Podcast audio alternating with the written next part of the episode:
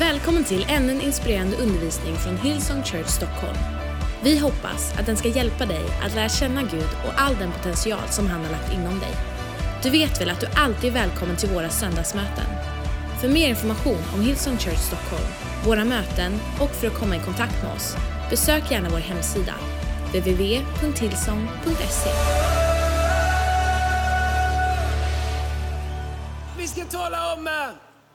Eh, ett nytt tema som heter Take Me to Church. Take Me to Church är en sång av Hosier, vilket är helt sjukt. Vi hade ingen aning om att den artisten som har skrivit den sången, som för övrigt kanske inte, det är bara första taggen där Take Me to Church, som vi tänkte ska vi spela låten så började vi lyssna på texten, ah, kanske inte kring söndagen så. Sjuka är, jag fick ett sms när teamet kom hit idag och sa, Andreas vet du hur sjukt det är? Hosier från USA, som har den här hitlåten, han spelar på Cirkus här ikväll. Och jag hade ingen aning. Så eh, vi är tacksamma att de kommer att öppna upp för oss här idag när vi eh, startar vårt nya tema Take Me to Church. Och jag kommer tala över det de närmsta tre söndag förmiddagarna, inte 17, inte 19, utan bara klockan 11. Så alla ni känner, säg hej om ni går 17 och 19, ni måste komma och hälsa på på 11 också, för ni får inte missa Take Me to Church. Min ambition med de här eh, tre söndagarna är att prata lite grann om var vår kyrka kommer ifrån. Gå tillbaks lite till första året av vår kyrka. Att du skulle få göra en liten tidsresa till det som jag undervisade väldigt mycket om första året. Grunden i vår kyrka. Det är, så oerhört viktigt att vi om, vi, om vi tappar bort vilka vi är, så kommer vi aldrig, aldrig komma fram dit vi ska. Medan vi hela tiden är på väg mot vad vi ska så är det väldigt viktigt för oss att inte glömma bort eller tappa bort var vi kommer ifrån. Ni som har kommit med i kyrkan kanske sista året här eller bara på cirkus. Så är det viktigt att du vet vad du är en del utav. Och vad det är Gud har kallat oss till, vilket fundament vi står på. Och vilket fundament du kan bygga ditt liv på. Alla ni som är med i våra norra campus, som har varit med kanske snart två år. Hej, det är bara några månader så är våra norra campus två år, helt fantastiskt. Men många av er har kommit till även efter det i våra norra campus och även för er del. Så oerhört viktigt att veta vad du är planterad i. Bibeln säger i psalm 92, vers 13 att den som är planterad i Guds hus kommer alltid att blomstra. Jag skulle vilja säga att det finns inget seriöst kristet liv, inget bibliskt kristet liv utan att vara planterad i en lokal församling. Alltså, jag skulle säga att det räcker inte att säga, jag är med i den stora universella för, församlingen. Vi träffas på kaféer och gator, dricker latte och tänker svåra tankar. Det räcker inte. Därför att när vi läser Bibeln säger vi att kyrkan, församlingen, den ser ut på ett visst sätt, den har en struktur, den har en form. Det finns en bild av den där den liknar den vid en kropp och den är någonting. Den är inte bara något flummigt liksom som man är med i liksom så här universellt. Den träffas på en plats. Den har många olika uttryck. Den har många olika, liksom, kan se ut på olika sätt. Men den är väldigt, väldigt eh, konkret också. Idag skulle jag vilja tala om lite grann det som, det som drev mig och som fortfarande driver mig mer än någonsin till att starta vår kyrka. Hur kommer det sig att vi startar vår kyrka? Vad, vad, vad drev oss till att starta vår kyrka? Well, ytterst sett så startade vår kyrka därför att jag och Lina skulle flyttat utomlands och jobbat för pastor Brian uh, så i, i hans uh, team. Och uh, när vi skulle göra det så upptäckte vi ganska snabbt att vi kan inte lämna Stockholm. Våra, vi kan flytta från Stockholm men våra hjärtan kommer bli kvar i Stockholm. Vi hade inga drömmar om att starta en kyrka, vi hade ingen dröm om att bo i Stockholm. Men när vi skulle försöka flytta härifrån så upptäckte vi att vart vi än flyttar så kommer vi inte få med våra hjärtan. Så jag sa det till pastor Brian, pastor Brian, jag vet inte hur vi ska göra för vart vi än åker så kommer våra hjärtan stanna i Stockholm. Vi vill inte vara i Stockholm och jag är inte säker på att Stockholm vill att vi ska vara i Stockholm. Men hur vi än gör så kommer våra hjärtan vara kvar i Stockholm. Och Brian han tittade på mig och sa, Well, let's start a church in Stockholm. Och jag tänkte, nej! Aldrig! Det är den sämsta idén du har haft Brian. Jag är evangelist. Jag är preacher. I blow in, I blow up and I blow out. Det är det jag gör. Jag är ingen pastor, jag håller inte på och grejer och bygger struktur och pratar med människor flera gånger. Min fru är grym på själavård. Jag är grym på att lösa saker. Kom till mig för lösningar, kom till min fru för honom som lyssnar på dig. Typ. Men så startade vi den här kyrkan vi upptäckte att det var det vi var kallade till. Men när vi började titta på att starta en kyrka i våra Stockholm, från det ögonblick vi bejakade det, så var det som att Gud gjorde någonting i mitt hjärta. Och jag såg vår stad på ett sätt jag aldrig har sett den tidigare på faktiskt, fast jag hade bott där i flera år. Jag började se saker i vår stad som var helt nya, som jag aldrig hade upptäckt tidigare. Och Gud gjorde någonting i mitt hjärta där jag kände att den här staden är mitt ansvar. Den här stan tillhör mig. Allting i den här stan tillhör Gud. Och om jag tjänar Gud så säger Bibeln att allt som tillhör honom tillhör oss. I Jesu namn, amen. Och vi har ett ansvar att göra någonting i den här stan. Det, man skulle kunna kalla det för en frustration. Eller något som man stör sig på. Jag, jag, kan, vara, jag kan vara rätt störig kanske om du frågar någon, men jag kan störa mig på saker och ting. Vad stör du dig på? Min fru skrattar. Vad stör du dig på? Titta inte på dem. Absolut inte på din fru eller din man. Men vad stör du dig på? Du kan säga, men jag stör inte på någonting. Jag är bara glad med allting. Well, grattis, du kommer aldrig göra någonting i livet. Just nu stör jag mig ytterst lite på att det är lite låg monitor. Kan jag få lite mer monitor så? Vad stör du dig på? Frustration. Har du någon frustration i livet? Är du frustrerad över någonting? Är det någonting som stör dig? Det du inte stör dig på kommer du aldrig någonsin vara beredd att göra det som krävs för att ändra på. Habakuk han säger att han har en klagan. Han, liksom, han, han stör sig på någonting, vi ska alldeles strax läsa det ifrån. Men att inte störa sig på någonting är att tvinga sig att lära sig att leva med någonting. Ni vet som när man renoverar ett rum och så tänker man de där listorna sätter jag upp sen. Första gången du sätter dig i soffan och tittar på ditt nyrenoverade rum så stör du på att de där listorna, åh jag måste få upp dem. Andra veckan, åh jag måste få upp de där listorna. Efter typ tre veckor, två månader, du ser inte ens de där listorna längre. Du har lärt dig att leva med. Allting som du slutar störa dig på måste du lära dig att leva med. En dag störde sig Gud så oerhört mycket på att vi människor var tvungna att klara oss på egen hand. Att han sa, vet du vad? Jag, jag är så frustrerad på att min nåd inte har en väg till mänskligheten. Att jag kan inte bara sitta och titta på de här listorna som inte sitter uppe längre. Come on, somebody. Och så var han tvungen att göra någonting åt det. Allting som du stör dig tillräckligt mycket på, som börjar betyda tillräckligt mycket i ditt liv, kommer du vara beredd att betala någon form av pris för att göra någonting. När jag tittade på Stockholm så jag började störa mig på att kyrkor var tomma. Jag börjar störa mig på att Melodifestivalen har finare scener än vad vi har. Vi har världens bästa... Så här, Andreas, man måste inte ha en fin scen för att vara en kyrka. Wow, men man kan! Vi har världens bästa budskap, det borde paketeras på världens bästa sätt. Jag bara stör mig på att unga människor inte har något hopp. Jag börjar störa mig på att den vanligaste dödsorsaken bland tonåringar, en av de vanligaste är självmord. Jag börjar störa mig på att 52 procent av alla äktenskap i Stockholm slutar i skilsmässa inom 18 månader. Jag börjar störa mig på att Stockholm har världens högsta andel av självhushåll, alltså ensamstående människor. Människor bor själva utan någon annan i Stockholm i högre utsträckning än i någon annan stad i hela världen. Och det var ju inte bra. Well, någon måste göra någonting åt det. Och om vi inte är beredda att göra någonting åt det, vem ska då vara beredd att göra någonting åt det? Well, det är inte bra att det kommer så mycket flyktingar till Sverige. Vi har ingen plan.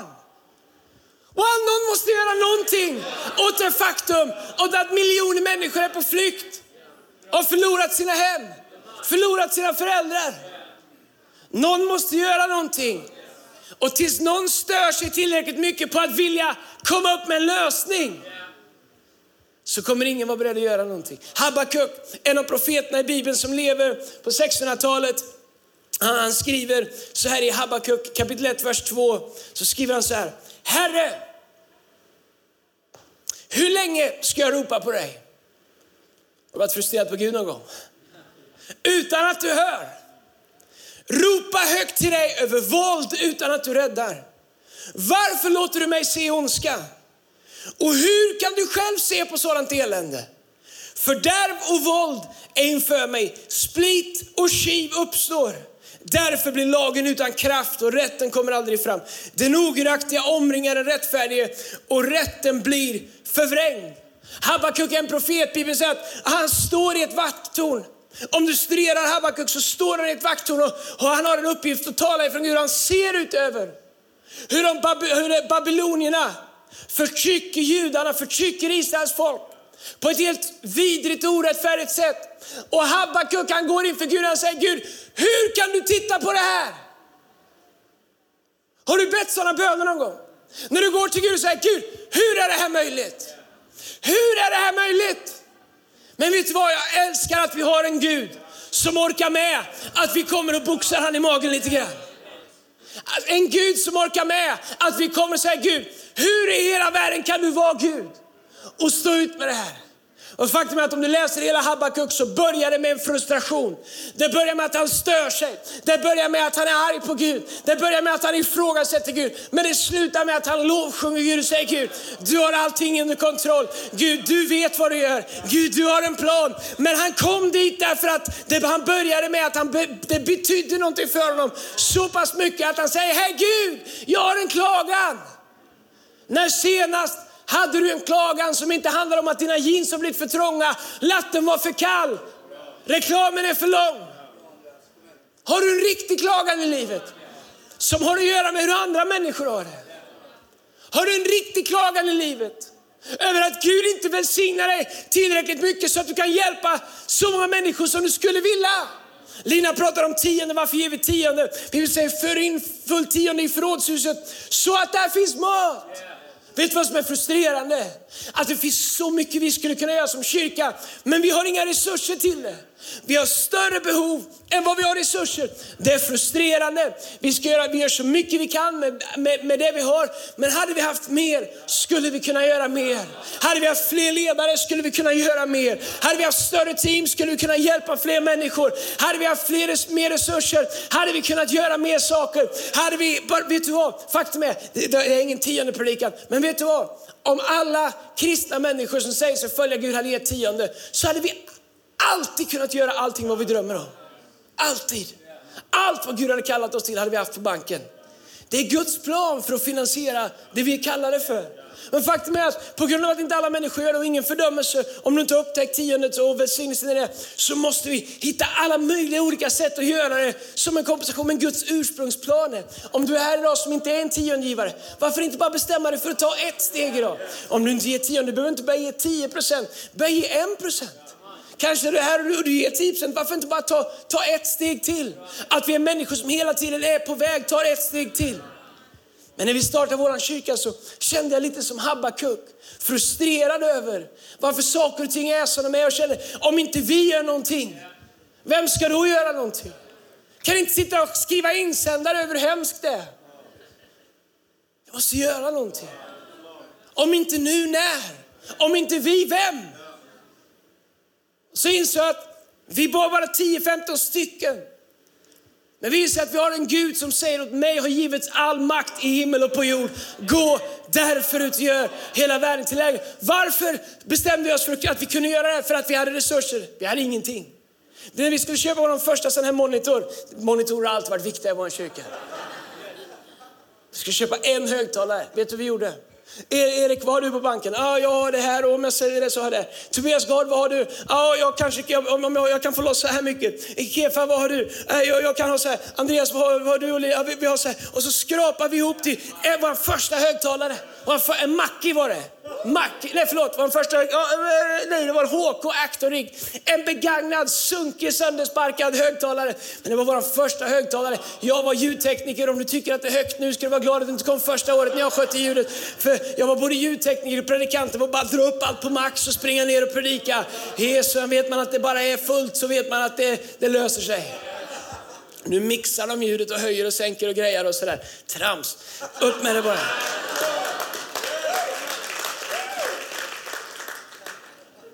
Hade ingenting. Men vi hade han som sa, åt mig har givits all makt i himmel och på jorden. Gå därför. Inte på grund av vad vi har eller inte har, utan på grund av att han som har kallat oss har all makt i himmel och på jorden. Så Habakuk han har en klagan och vi hade en klagan. Habakuk kan säga, Herre hur länge ska jag ropa på hjälp? När vi startade Hillsong Stockholm så var vi grymt frustrerade över att inte fler människor och i snabbare takt lärde känna Jesus. Vi var frustrerade över att en kyrka i veckan i Sverige läggs ner. Vi var frustrerade över att 200 människor om dagen lämnar Svenska kyrkan. och lämnar kyrkor i allmänhet. Jag personligen eh, var sjukt frustrerad och är än mer frustrerad idag av att människor försöker gå igenom livet utan hopp. När det finns hopp. Det är som att se människor dö och veta att jag har vaccinet. Och om du bara kunde tro att om du tar det här vaccinet så, så kan du leva. Så inser jag att vi sitter på vaccinet medan människor dör i en förgiftad värld. Kanske inte fysiskt, men själsligt och andligt. Och vi har ett vaccin. Se om inte vi gör någonting, vem ska göra någonting? Vår kyrka har aldrig handlat om det här. Det aldrig, vi, allt det här är fantastiskt. Jag älskar ljudet, jag älskar ljuset, det hjälper oss, det är, det är del. Men det har alltid handlat om det faktum om att Gud har gett oss ett vaccin. För en själ som känner sig förorenad, för ett hjärta som känner sig trasigt, för ett liv som har tappat hoppet. När Jesus säger, jag sänder er ut som bärare av liv, som bärare av hopp, som bärare av förlåtelse. Men om vi inte går, Nej men vi måste bara först, vi måste bara sen, vi måste bara då. Hej, vi hade ingenting, vi var ingenting. Men vi visste att han som har kallat oss säger, åt mig har givits all makt i himmel och på jord. Gå därför ut. Min vän, på insidan av dig har du honom som har givits all makt. Han som bor i dig har makt över allting. Så Andreas, jag vet inte om jag kan. Well, det är möjligt att du inte kan, men egentligen är det helt oväsentligt. För han som bor i dig, han som har kallat dig, han som har startat ett gott verk inom dig, han är rättfärdig och trofast till att fullborda det inom dig som han har kallat dig till. Så han letar inte efter kunniga människor, han letar efter villiga människor. Vi var absolut inte kunniga. Om du, säger, om du kommer till vår kyrka de sista två åren och säger Hej Andreas, jag tycker er kyrka är inte riktigt färdig. uh! Hur skulle det varit det första året? My God! Jag gick igenom lite gamla bilder på flickor. För det första vägde jag 20 kilo mer, bara det var jobbigt att titta på. Spelar ingen roll. Men du vet, jag, jag, jag hittade lite gamla predikningar och, och jag, mina första års predikningar de försvann. Jag hade en dator innan backup, två, två års predikningar försvann någonstans där. Det kan ha varit Gud, jag är inte helt säker på att det var han som gjorde att datorn kraschade. Men när jag tittar på de tidiga predikningarna och när jag tittar på hur vi gjorde saker och ting, jag tittar på hur vi försökte så inser jag, gode Gud, hur, hur, kom jag ens förbi första månaden i den här kyrkan? Men var glad att du har kommit med i kyrkan nu. Ja. Jag vet vad Gud aldrig letat efter? Experter. Men jag är den första att säga att jag är den minst kvalificerade för att göra det jag gör. Men jag har upptäckt att när vi gör oss tillgängliga så kompenserar Gud i oss det vi inte har för att göra genom oss det han har bestämt sig för att göra. Det är vår tillgänglighet, inte vår expertis som avgör hur använda vi kan bli utav Gud. Det är vår tro på hur stor han är som definierar vad han är mäktig att göra genom oss, inte hur stor vår kunskap är. All right, men låt mig börja dagens predikan här. Jag har lovat att vi ska vara klara tills, uh, um, tills uh, någon gång här. Well, vi pratar om frustration. Det är ett ämne i sig själv. Jag vågar inte vara alldeles för utlämnande här för att min fru kommer eh, påminna mig om det alldeles för många gånger när vi kommer hem. Men, men faktum är att eh, frustration kan vara en drivkraft. Det finns två olika sorters frustration. Den ena frustrationen är en konstruktiv frustration. Den kommer av att man bryr sig om någonting. Till exempel om någon du älskar blir dåligt behandlad. En, en, en konstruktiv frustration, du vill göra någonting åt det, eller hur? En destruktiv frustration kom, kommer av att, att någonting borde göras men du är inte beredd att betala priset för att göra det. Så du har en destruktiv frustration. Kanske har den till och med lett dig till självömkan, lett dig till liksom att du har gjort dig till ett offer för omständigheterna. Därför att du inte liksom vill göra det som krävs. Och så lever du en frustrerande, en destruktiv frustration. Men det finns en frustration som är bra. Men frustration är ju upprinnelsen till alla bra uppfinningar med till exempel spärrskaft. Jag vet att jag förlorar 90% av publiken här just nu. Från början fanns det skiftnycklar, vilket gör att du har en skiftnyckel, du måste passa in den så att den sitter där. Sen kan du dra, har du inte satt den ordentligt så kommer du börja runda muttern eller, eller, eller, bulten. Du måste dra, sen så har du skruvat åt den så hårt så du måste lossa den för att få upp den och få på den igen. Sen kom någon på som hade tröttnat på det. Äh, vi ska göra ett spärrskaft med en hylsa som man sätter det på. Ja, säger Kefa, jag har ingen aning vad jag pratar om nu. Så du kan dra. Så går det mm, och så... Behöver aldrig ta bort den från muttern. Sån invention for life.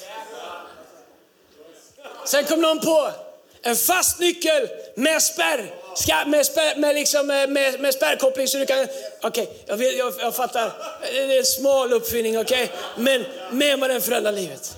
Okej, någon tröttnade på att sitta och göra nummer två bland flugor och andra saker och tänkte det måste finnas ett bättre sätt att göra det här. Låt oss uppfinna en vattentoalett. Någon tröttnade på att hålla på och rykta sin häst och hålla på och mata den stackaren och hålla på med hans mul och klövsjuka och tänkte det måste gå att bygga en bil.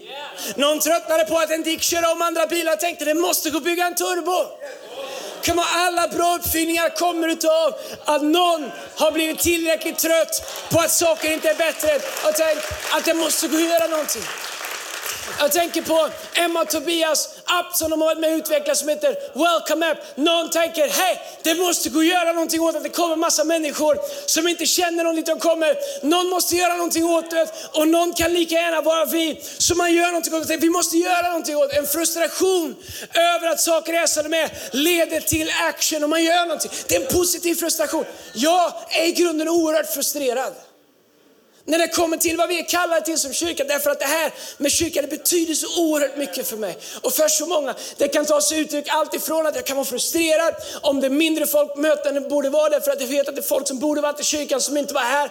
Ah, vi vet att alla människor som kommer till kyrkan för första gången, eller 98 procent säger statistikerna, kommer till kyrkan för första gången för att någon har bjudit med dem. Alla människor som inte är här idag är inte här för att ingen av oss bemödar oss om att bjuda in dem här idag. Någon kunde fått sitt liv förvandlat här idag om vi hade tagit ett steg och sagt hej, vill du följa med mig till kyrkan på söndag? Om vi hade varit tillräckligt frustrerade över att människor försöker leva sitt liv utan den Gud som har skapat dem. Om det hade betytt tillräckligt mycket för oss, jag ger er inte fördömelse och inte mig heller, men jag säger bara att det finns ingen annan väg för människor att hitta Gud än att vi känner, vet du vad, det kan inte vara rätt att människor ska leva utan Gud. Någon måste göra någonting och någon kan lika gärna vara jag. Jag ska bjuda med min arbetskompis, jag ska bjuda med min skolkompis, jag ska bjuda med min familjemedlem. Hey, it comes down to us. Kan vara frustrerad när jag går igenom en foajé och ser att det ligger skräp där. Därför att jag kommer ihåg när vi inte hade råd att hyra en lokal och när vi fick råd att hyra vår första lokal, hur mycket den betydde. Och för mig känner jag, låt oss aldrig, aldrig, aldrig ta för givet att vi kan ha en lokal. När vi känner, ibland sätter jag mig i vår lastbil eller någon, av våra, någon bil som vi har i kyrkan och jag ser att den är smutsig och jag kollar oljan och ser att oljan inte är påfylld som den ska. Och jag kan bli tokig. Mm. Alla i våra team tittar ner just nu. Kan vi fråga Erik Genefelt hur tokig jag blir när det inte är olja i bilen? Hey, vi har en Peugeot, en eh, vad 30, 307, som har blivit donerad utav en i vår kyrka. Eh, det är ingen ny bil, men en fantastisk bil. Det är en sån blessing för oss. Vet du vad? Vi har en bil. Det var bara en dröm i vår kyrka om du kanske, vad är det för att ha en bil? Wow, där vi kommer ifrån hade vi ingen bil. Vi körde i min bil. Och jag hade en bil som jag fick köpa billigt varje år av uh, eh, Ulf Lindström nere i Skövde. behövde köpa en Toyota, gå till honom, han välsignade vår kyrka mycket. Och varje år jag kom tillbaka med den bilen, vi hade haft och lastat grejer i den, sa han, Andreas, hur är det ens möjligt? Var kommer alla bucklor och repor ifrån? Och du förstår, vi har kört ljudanläggningen varje söndag i den här bilen. Men det blev som det blev. Och nu har vi fått en bil som vi kan köra igenom. Och vet du vad? När, när den inte är påfylld med olja så känner jag bara, hej! Det fanns en dag när vi inte hade en bil. Nu har vi en bil. Det ska vara olja i. Du kanske tycker, Andreas, vad är det frågan om? Och för mig är det så enkelt att om Gud har gett oss någonting att förvalta så måste vi göra det bästa av det. Vare sig det är en bil, vår connectgrupp, våra team, vårt äktenskap. Det måste komma ifrån ett ägandeskap där vi bryr oss om någonting därför att vi ser allting som verktyg för att göra det Gud har kallat oss till. Om du inte är en ägare av saker och ting så kommer ingenting spela en roll. Men det ögonblick där du säger, hej, det här är min kyrka, så börjar allting spela roll. Då börjar det spela roll om det står någon ensam i foajén som ingen hälsar på. Det spelar roll därför att det här är din fest, det här är ditt party, det här är hemma hos dig. Då spelar det roll oh, oh, oh, om, det, om det är en låg atmosfär i rummet och människor inte riktigt lovsjunger. Då är du den som tänker, hej, idag är jag tändvätskan. Jag ska lyfta mina händer och lovsjunga för att leda människor runt omkring mig där jag sitter inför Guds tron därför att vi vet vad lovsången gör i människors hjärtan. När du är en ägare så börjar du helt plötsligt bry dig om saker och ting och så fort du bryr dig om saker och ting så uppstår en frustration. Jag skulle vilja kalla det för en helig frustration. Och jag har bara åtta minuter kvar att predika om det jag ska predika om.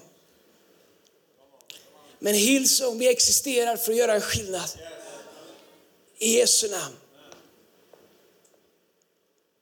All right, well, är du redo? Jag står precis och funderar på om jag ska predika resten klockan fem.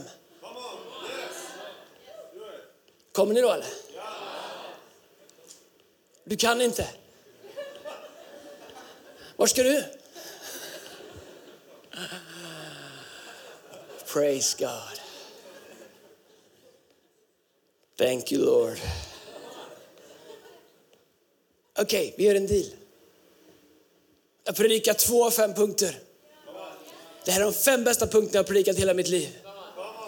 Jag har de fem bästa punkterna som jag någonsin har gjort sedan vi startade vår kyrka. Jag hade tänkt predika alla fem punkterna idag, men vi har haft så trevligt här.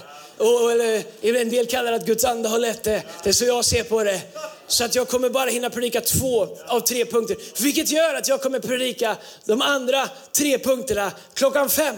Vilket gör att om du missar de tre punkterna så har du missat alltihop. Så om ni är där ute i norra, jag vet att ni kanske ska göra saker och ting, men vad du än gör, kom in hit ikväll. Därför att de tre punkterna är värt. Ta långfärdsskridskorna, hoppa ut någonstans där i Sigtuna, hitta lite is, åk ut med kanten, slussa om ni behöver för att komma in här. Ni kan åka, komma upp här vid, vid slottet, ta ett varv runt slottet åka här vid Strandvägen, ta ett varv runt, eh, vad heter det, Grand Hotel om ni vill och komma ut hit till Cirkus. Jag lovar, jag ska massera era fötter om ni har åkt skridskor hela vägen in. Vad ni än gör, missa inte det. Men låt mig börja med de två punkterna, så tar vi de andra tre klockan eh, 17 här idag. Är ni redo för det? Stockholm måste bli bättre för att vi finns. Existensberättigandet för vår kyrka är inte hur bra sånger vi har. Existensberättigandet för vår kyrka är inte hur coola videor vi har, även om jag älskar allt det. Existensberättigandet för vår kyrka handlar inte först och främst om hur annorlunda än andra kyrkor vi kan vara. Existensberättigandet för vår kyrka är att vi bär på en djup klagan som Habakuk gör, där vi går inför Gud och säger, Gud, det kan inte vara möjligt att människor går under i Stockholm. Gud, det kan inte vara möjligt att fler människor skiljer sig i Stockholm än i någon annan stad i världen. Gud, det kan inte vara möjligt att vi har ett sportlov som börjar där en del har välsignelsen att åka skidor medan andra ungdomar och andra barn kommer få klara sig själva en hel vecka därför att deras ensamstående mamma måste jobba dubbla skift för att ha råd att bo i den lägenheten i den förorten där de bor. Det kan inte vara rätt att de tror att de inte ens har en en framtid. Stockholm måste vara en bättre kyrka för att Hillsong finns. Annars har vi inget existensberättigande. Vi är inte här för att vara en cool klubb. Vi är här för att göra skillnad. Vi är här för att leda människors liv framåt med Gud. Men jag har inget emot att du är välsignad. Vi är ingen kyrka som ställer det ena mot det andra. Men vår välsignelse måste leda till förbättring och förvandling för de som har det sämre.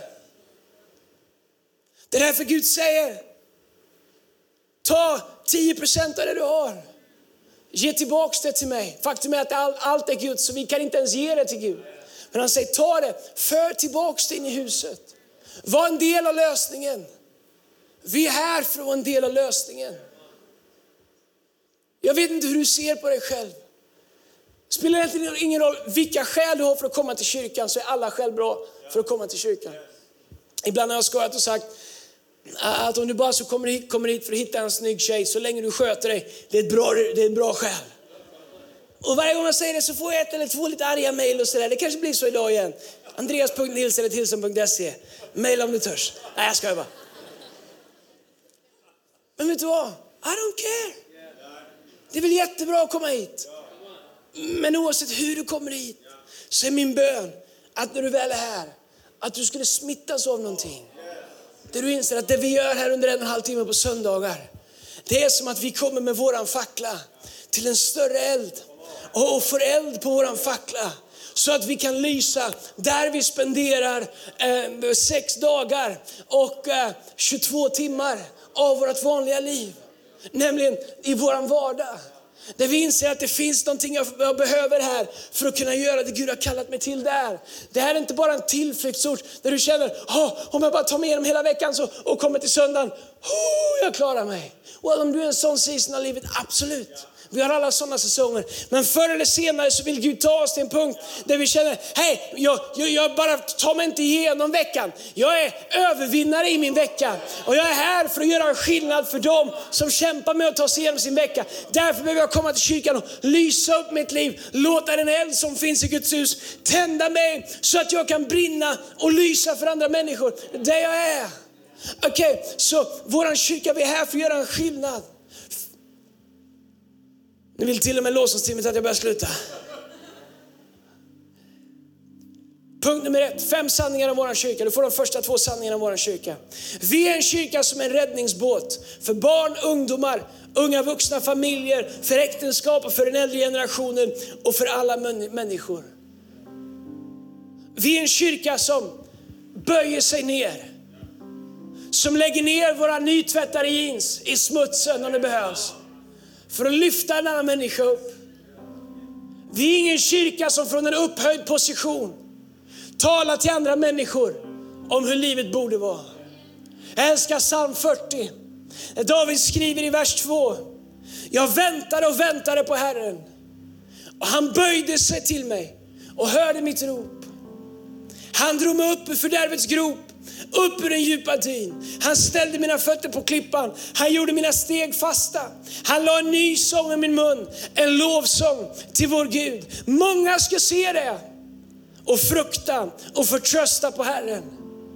Hej David säger, Gud, han säger inte att Gud sände en ängel som lyfte mig upp. Han säger inte att han gav mig ett bra peptalk så att jag kunde ta mig upp. Han säger inte att han satte på Hillsons nya lovsångsskiva så jag fick feeling och kom upp. Han säger han böjde sig ner. Han, Jesus Kristus, böjde sig ner. Han böjde sig ner. La sina knän på backen. Tog mig i min hand. Lyfte mig upp ur den djupa dyn. Men vet vad han gjorde mer? Han satte mina fötter på en klippa. Varför behöver vi bygga en kyrka som är stark? Därför att den representerar klippan, Jesus Kristus. Han säger att han är huvudet och att vi är kroppen. Den som är planterad i hans kropp kommer att blomstra. Vi är planterade på klippan Jesus, men vart är folk planterade? På en stenhäll? Någonstans ute på kusten? Nej, här! Här. Det här är vart Jesus vill plantera oss. Det här är vart han vill ställa människors fötter. Vart vill han ställa människors fötter? I ditt liv vill han ställa människor. Var vill han att människor ska få fotfäste? I din närhet. I Guds närhet absolut, men i din vardag. I relation med dig. I din connect-grupp. I en fika med dig. I vardagen här, i ett team. Varför behöver vi människor som går Sunday class? Varför behöver vi människor som går leadership bootcamp? Därför att vi behöver människor som vill bli en del av klippan. Därför att det finns så många människor som vi behöver böja oss ner och lyfta upp i den djupa dyn, som behöver få plats på klippan. Men du säger, Andreas klippan är Kristus, det har inget med mig att göra. Kan jag bara få föreslå för dig? Att Jesus säger i slutet av Johannes evangelium, jag går till Fadern. Absolut, han är klippan för vår frälsning, han är klippan för vår tro. Men i våran vardag så har han kallat oss, kyrkan, församlingen, den lokala församlingen Hillsong Church Stockholm till att exemplifiera och i praktiken vara den klippan som människors fötter kan stå på. Är du en klippa? Så Andreas, jag är ingen klippa. Well, Gud kan bli en klippa i dig. Men Andreas, jag är, jag är så ofärdig. Absolut, det är därför du inte är klippan, utan Kristus i dig är klippan. Och han kan, om du har varit frälst i två dagar så kan du vara, har du ett två dagars försprång på att vara klippa än vad någon har som inte ens känner Gud. Gud vill använda dig nu. Så Andreas, jag är inte färdig. Du blir aldrig färdig. Men du kommer gå fortare framåt när Gud får börja använda dig. Därför att när Gud får börja använda dig så kommer du upptäcka, Gud det är så mycket jag behöver. Du kommer bli frustrerad över hur mycket det är du inte har som du skulle behöva. Och den frustrationen kommer driva dig till Gud. Kommer driva dig ner på dina knän inför Gud och du säger Gud, jag behöver mer av dig. Jag behöver mer av din nåd, mer av din vishet. Jag behöver bli en bättre ledare. För när jag vänder mig om och så ser jag att det finns människor som hoppas på att jag ska kunna leda dem rätt. Men Jag trodde Jesus var den stora ledaren. Han är det, men vi är hans händer och fötter. Vi är de händerna han har. Våra uppsträckta händer till Gud måste vara samma händer som böjer sig ner i den djupa dyn och lyfter upp människor. Vi måste ta ägandeskap över att bygga en kyrka där det finns plats för människor att ställa ner sina fötter. När det kommer till vår tid, vårt ägandeskap, vårt givande, det, det hjärta vi ger allting. Så litar Jesus på att vi ska bygga den klippan som människor kan ställa sina fötter på. Vår kyrka har aldrig varit en, eh, ett kryssningsfartyg. Men jag är övertygad om att om du letar efter bara comfort så, så, så kan jag rekommendera andra kyrkor kanske. Därför att i den här kyrkan när du kommer hit, jag kommer alltid vara lite provocerande. Jag kommer alltid vara lite som ett finger mellan revbenen på dig. Jag kommer alltid säga till dig, come on du kan göra någonting. Come on, du kan betyda någonting. Come on, ta det du har, du kan göra någonting med det Det är våran kallelse. Vi har aldrig varit ett kryssningsfartyg, vi har alltid varit en räddningsbåt. Vi har alltid varit kallade till att rädda människor. Vi har alltid varit kallade att ta vad vi har. Har du stått vid en strand någon gång och sett någon som håller på att drunkna och de ropar på dig. Och vad är det första du gör? Du ser dig om. Finns det någonting jag kan använda? Och så ser du, det finns ju ingen båt som jag kan ro ut till. Och det finns ingen flytväst jag kan ha på mig för det är väldigt viktigt att ha sjövett när man ror ut i båten. Så tyvärr, du får drunkna. Hade jag bara haft en flytväst, för mamma sa att man ska aldrig åka båt utan flytväst. Hade jag haft en flytväst, då hade jag kunnat rädda dig. Hej, det finns ingen vettig människa som gör det. Utan du tänker, har jag ingen båt så får jag titta efter vad jag har. Har jag ingen flytväst får jag hoppas att jag kan simma. Vad har jag? Här ligger en gammal trägren. Jag tar trägrenen, kanske den kan användas. Men när det kommer till att bli använd av Gud, så är det som att vi tittar in och säger, jag har ingen båt, jag kan inte predika, jag kan inte det, jag har inte det, så jag kan inte rädda någon. Hej, när vi räddar någon så tar vi vad vi har. Ta vad du har, ta ditt förflutna, ta dina misslyckanden, ta dina rädslor, ta det som du har gömt, ta det du har burit på, ta din styrka, ta din svaghet, ta whatever it takes för att rädda människor. Vi tar vad vi har, för vi är en räddningsbåt, inget kryssningsfartyg. Jag kommer ihåg en idag när Estonia förliste, jag satt och kollade på min tjock-tv. Och man såg de här räddningsflottarna som flög som, flöt som orangea pluppar. Och hur människor febrilt försökte ta sig upp på den.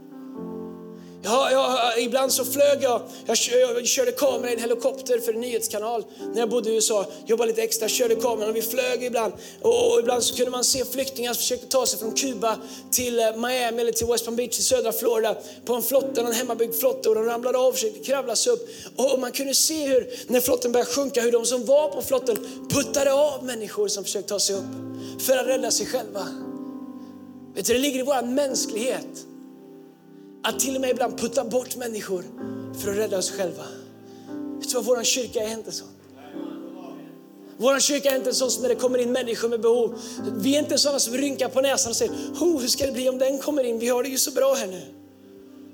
Hur ska det gå för mitt fina barn om det kommer in barn från gatorna, från flyktingförläggningarna, från förorterna? Hur ska det bli för våra fina liksom? Vi är inte sådana. Hur ska det bli för min fina connect-grupp om det kommer in en ny?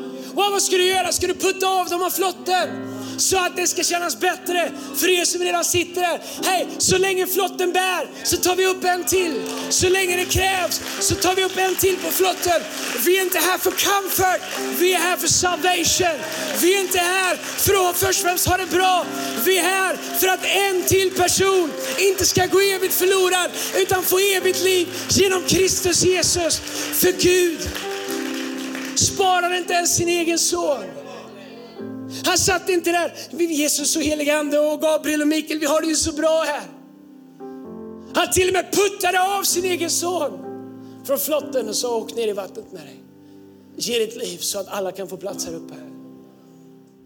Så är vi inget kryssningsfartyg, vi, vi är en räddningsbåt.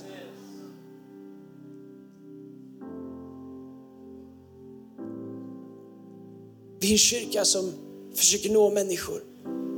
Eh, eh, det finns en möjlighet den här veckan, be för oss, att vi kanske har hittat the central. Vilket vore en sån blessing. Här på lördag så börjar ombyggnationen i norra, vilket jag är så sjukt exalterad över. Men vet du vad? Vi gör inte allt det. Vi bygger inte om norra, investerar miljoner i det. Eller skaffar ett central bara för att fluffa till kuddarna lite grann. Nej, vi bygger en större, en bättre, en mer sjöduglig räddningsbåt som vi kan åka med.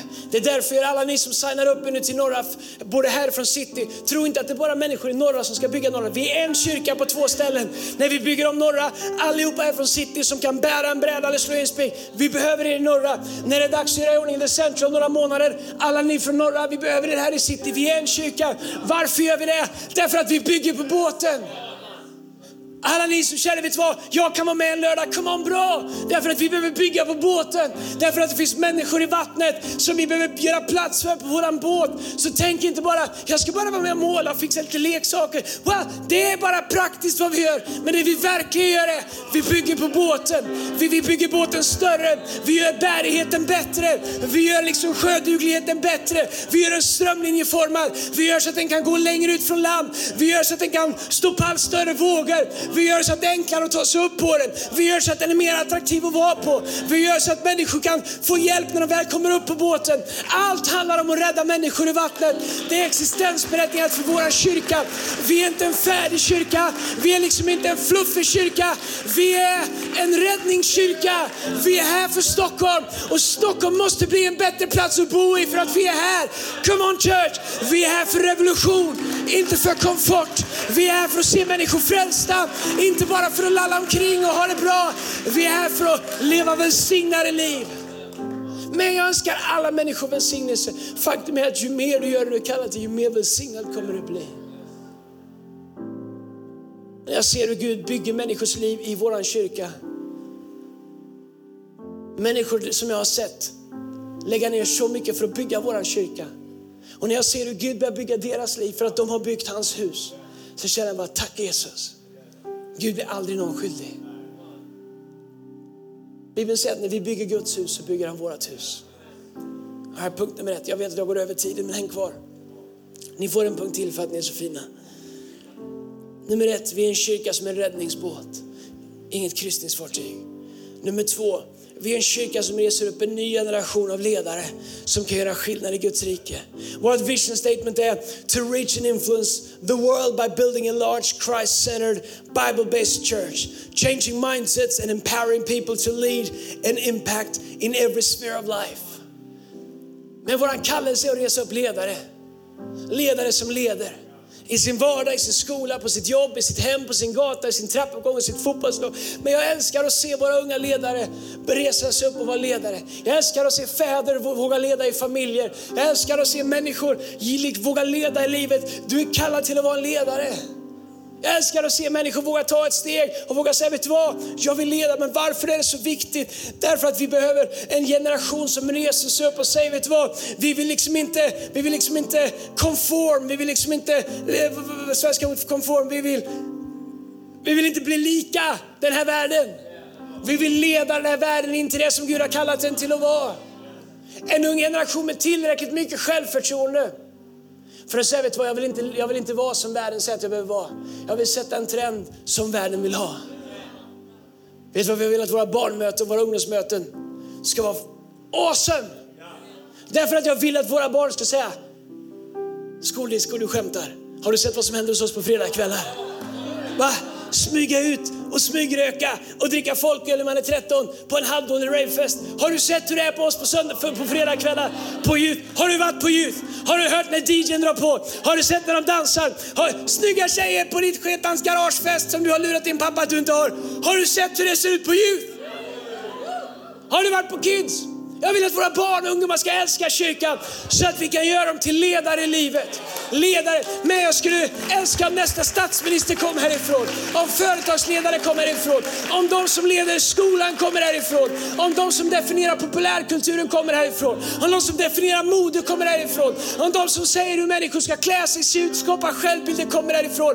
Med en biblisk förankring, med ett självförtroende som kommer ifrån skaparen. Trygg i skapelsen. Därför är vi committade till att resa upp nästa nästa generations ledare.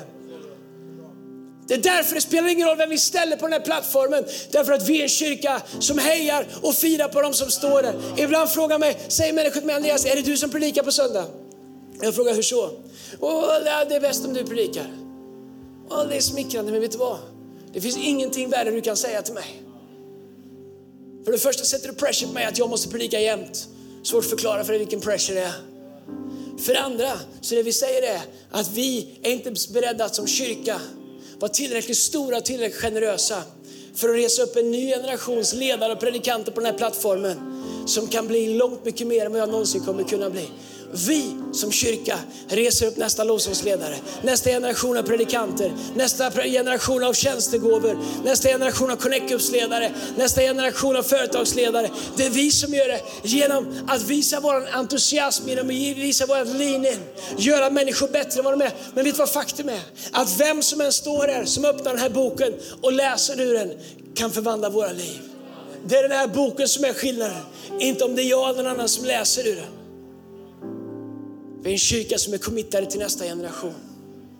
Vi är en, committade som är, en kyrka som är, där varje generation är committade till att ta prislappen för nästa generations success. I Jesu Come on, ska vi stå upp tillsammans både i norra och här i, i city, lovsångsteamen kan komma fram. Men jag älskar vårt nya tema Take Me To Church. Jag har längtat så länge efter att få gå tillbaka predika lite som vi gjorde när vi startade vår kyrka. Jag hoppas att det inspirerar dig. Min bön är att, du, att Gud skulle tala till dig där du känner, vet du vad? Jag kan ta ett steg till. Du måste inte gå från att vara inaktiv till att vara helaktiv och göra allting. Men, men du kan ta ett steg till. Vart du än är i vår kyrka, vem du än är, så är min bön att du skulle bestämma dig för att bara ta ett steg till. Men kanske har du varit med i en connectgrupp, kanske är det dags att starta en connectgrupp. Kanske är du med i ett team, kanske är det dags att leda ett team. Kanske har du aldrig varit med i ett team, kanske är det dags att ta ett steg och prova på ett team. Vart du än är, vem du än är, så är min bön att du skulle fråga Gud, Gud Gud, vad är mitt nästa steg? Gud vad vill du att jag ska göra? Gud vart går mitt nästa steg? Vi är antingen på väg framåt eller på väg bakåt. Det finns ingenting i Guds rike där vi står stilla. Vi antingen så utvecklas vi eller så avvecklas vi. Det är som i våra relationer med varandra. De utvecklas eller avvecklas. Vart är du på väg? Vad är ditt nästa steg? Jag är övertygad om att Gud har kallat dig hit till Hillsong Stockholm. Därför att Gud har en plan med att använda dig här. Vilket innebär att vi behöver dig. Vilket gör att du behöver mönstra in. Därför att utan dig så fattas det en viktig länk i kedjan för att göra det vi är kallade till. Stockholm, de vet inte vad som håller på att hända dem. Djävulen har ingen aning om vad som kommer ske i den här staden. Hur vi kommer trycka fram positionerna för Guds rike. Hur vi kommer göra anspråk på en människa i taget. Hur vi kommer åka ut på vatten som ingen har vågat tidigare att vara på. Hur vi kommer bygga en båt som kan segla längre längre ut på vattnet där båtar tidigare har seglat för att hitta de som ligger längst ut. De som har trampat vatten längst. Whatever it takes, vad det än kostar, vad vi än behöver göra. Inget pris är för stort, ingen uncomfort är för stor. Vad vi än behöver göra för att fullborda den kallelse som Gud har kallat oss till. Det är vad vi kommer göra i Jesu Kristi Nazarens namn. Amen. All right, lovsångsteam, gör er redo. Tack för att du har lyssnat. Om du vill veta mer om Hillsong och mer om vem Gud är, kontakta oss gärna. Eller gå in på www.hillsong.se. Och kom ihåg, du är alltid välkommen till våra gudstjänster. Om du vill ha mer information och uppdateringar av pastor Andreas Nilsen, följ honom på Twitter, Instagram och Facebook där hans användarnamn är Andreas Nilsson.